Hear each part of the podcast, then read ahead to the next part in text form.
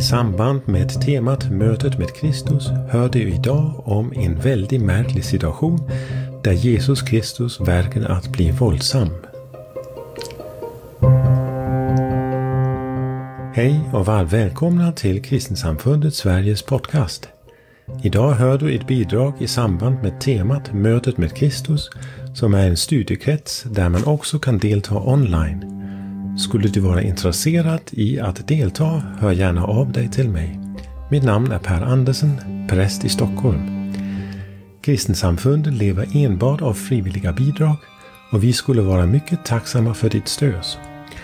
Information om hur du kan stödja oss hittar du om du lyssnar på Youtube på sidan nedanför. Om du lyssnar i din podcast-app hittar du detta i informationen om avsnittet du lyssnar på.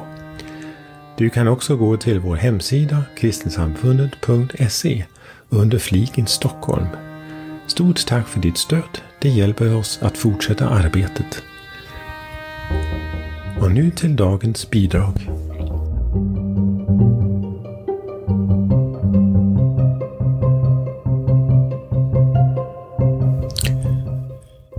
Evangeliet har en hel rad olika och väldigt spännande skildringar av unika möten mellan människor och Jesus Kristus. Människorna upplever då en speciell del av hans väsen. I studiekretsen Mötet med Kristus, som också är tillgänglig online, tittar vi på dessa möten för att lära Jesus Kristus bättre att känna. I dagens podd ska vi titta på en historia som inte bara är unik utan också väldigt märklig och överraskande. Det rör sig om historien där Jesus Kristus renar templet. Den finns i alla fyra evangelier. Johannes beskriver denna händelse i början av sitt evangelium. De andra lägger händelsen till tisdagen i stilla veckan, alltså i slutet på alla händelser. Jag tror inte man behöver att bestämma sig för om det nu hände i början eller i slutet, utan man skulle också kunna tänka sig att det har hänt två gånger. Evangeliet beskriver att judarnas påskfest närmade sig när Jesus gick upp till Jerusalem. Vad är egentligen Passa? Passa var den fest, den stora fest, där man firade att judarna kom undan slaveriet i Egypten. Alltså en fest som firar att folket blev fritt. Det kanske är viktigt att det var just före Passa. Vi återkommer till detta senare. Jesus Kristus övernattade i Betania. Det är där evangelisten Johannes och hans två systrar Maria och Marta bodde. De var hans vänner och det är troligen där han har övernattat. Det ligger inte särskilt långt från Jerusalem. På vägen dit händer episoden som beskrivs i evangeliet med fikonträdet. Denna historia kommer vi att titta på nästa gång studiekretsen Mötet med Kristus samlas 27 september.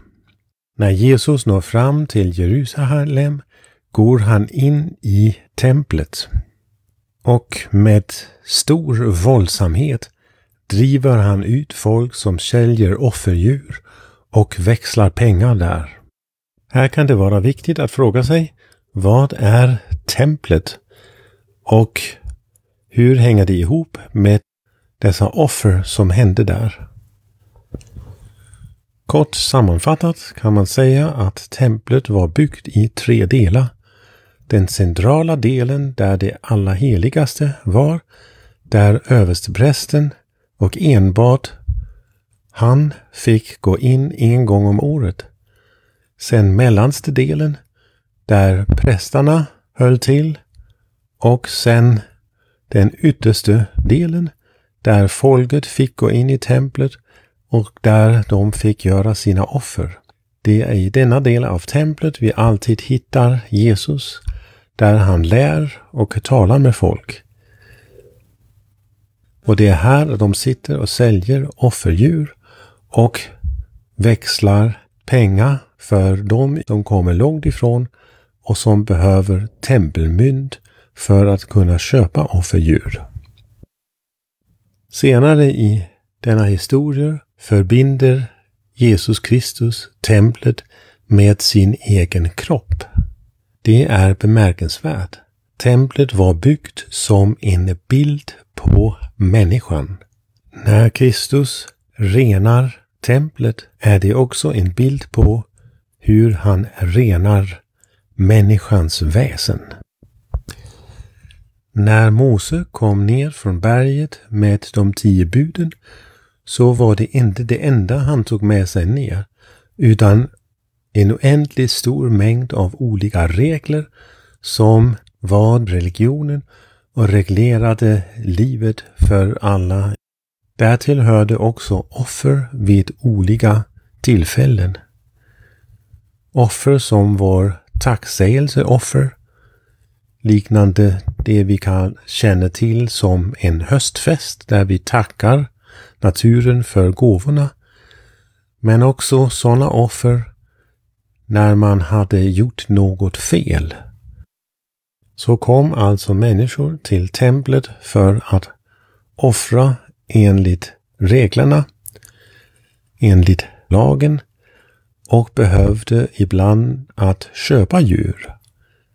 Om de kom långt ifrån så hade de inte den mynt som behövde att köpa offerdjur för.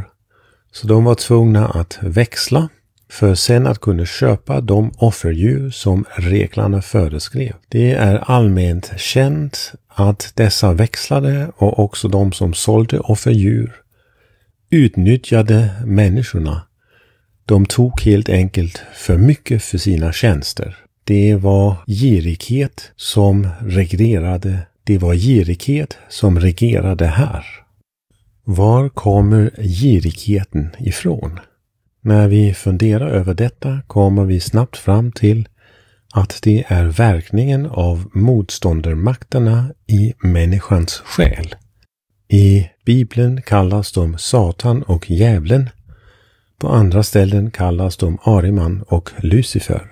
Man skulle kunna säga att hela Nya Testamentet, Hera Kristi uppehåll på jorden, utspelade sig i ett möte med verkningen av motståndarmakterna. Hans mission går ut på att driva ut motståndarmakterna ur människans liv. Detta är själva vägen fram emot frihet och kärlek. På den bakgrund är det väldigt enkelt att förstå varför han blir så arg och driver ut de som genom girighet utnyttjar människor.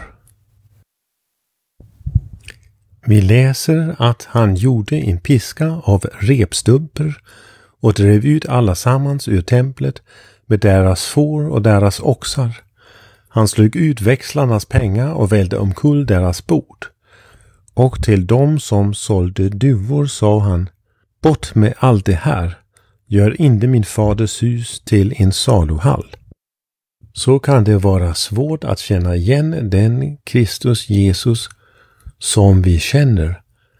Kan han verkligen vara så våldsam? Kan man fråga sig. Visst är det berättigat på bakgrund av det jag redan har berättat. Men våldsamheten är en fråga. Vi vet att han kan vara skarp i sina omdömen vi vet att han käller ut sina lärjungar ganska ordentligt ibland, kallar dem klingentrokna och så vidare. Men ingen annanstans agerar han med denna våldsamhet. Står det någonstans att han slog människor med sin piska? Nej, det gör det faktiskt inte. Därför kan man fråga sig, kan det hända att vi behöver förstå denna historia annorlunda senare i Nya Testamentet på torsdagen efter sista nattvarden hittar vi en historia där människor ramlar omkull inför Jesus Kristus. Det är Johannes som beskriver hur vakterna och tempeltjänarna kommer ut till honom i Getsemane för att ta honom till fånga. De kommer med vapen och är många och man skulle kunna föreställa sig att det inte är något problem alls för dem att ta honom till fånga. Men det utvecklar sig en aning annorlunda. Jesus Kristus går fram emot dem och säger Jag är. Vanligtvis översätter man detta med orden Det är jag. Men i den grekiska urtexten står det bara Jag är. Alltså en stark betoning av denna jag-kraft som vi förbinder med Kristusväsnet. När han säger detta händer det något överraskande. Alla dessa beväpnade vakter och soldater ramlar till marken. Hur kan man förstå detta? Det beskrivs inte att han rör någon av vakterna, att han svänger en piska i luften eller liknande, utan han enbart talar. Två ord. Jag är. Jag förstår detta som att hans utstrålning är otroligt kraftig. På olika andra ställen i evangeliet upplever vi hur människor berörs både på det ena och det andra viset av utstrålningen. Vakterna och soldaterna har inget att sätta emot denna kraftiga utstrålningen. Den slänger dem till jorden. De har ingen möjlighet att motstå denna kraft som inte är fysisk utan andlig. Om vi nu återvänder till templet så kan jag mycket väl föreställa mig att det är just det som händer här också. Hans utstrålning är så kraftig att folk måste fly. En helig vrede som utstrålar från honom får dem att springa iväg. Det kanske till och med är så att de själva välter om sina bord. Att han inte gör något fysiskt utan som vid tillfångatagandet bara står där i sin andliga kraft. Nu har templet alltså renats inför passafesten. Templet som är en bild på människan. Hela situationen är en bild på reningen av människan. Man skulle också kunna säga en bild på hur människan blir fri från motståndarmakterna genom Kristi kraft. Och därmed knyter vi an till just passafesten som också är en fest för friheten från motståndarmakter.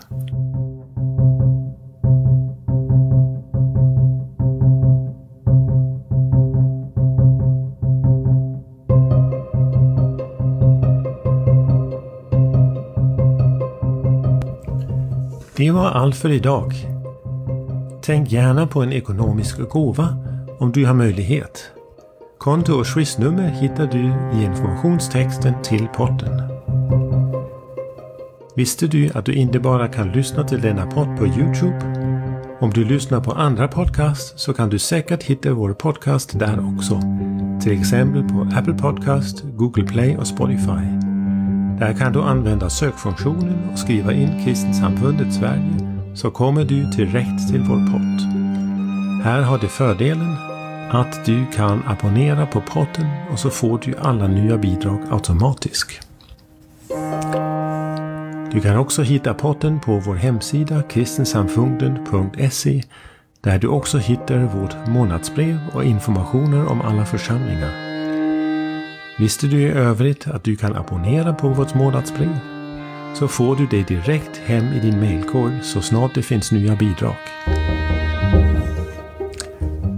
Är du intresserad av temat Mötet med Kristus och att delta i studiekretsen som också är tillgängligt online så hör gärna av dig till mig.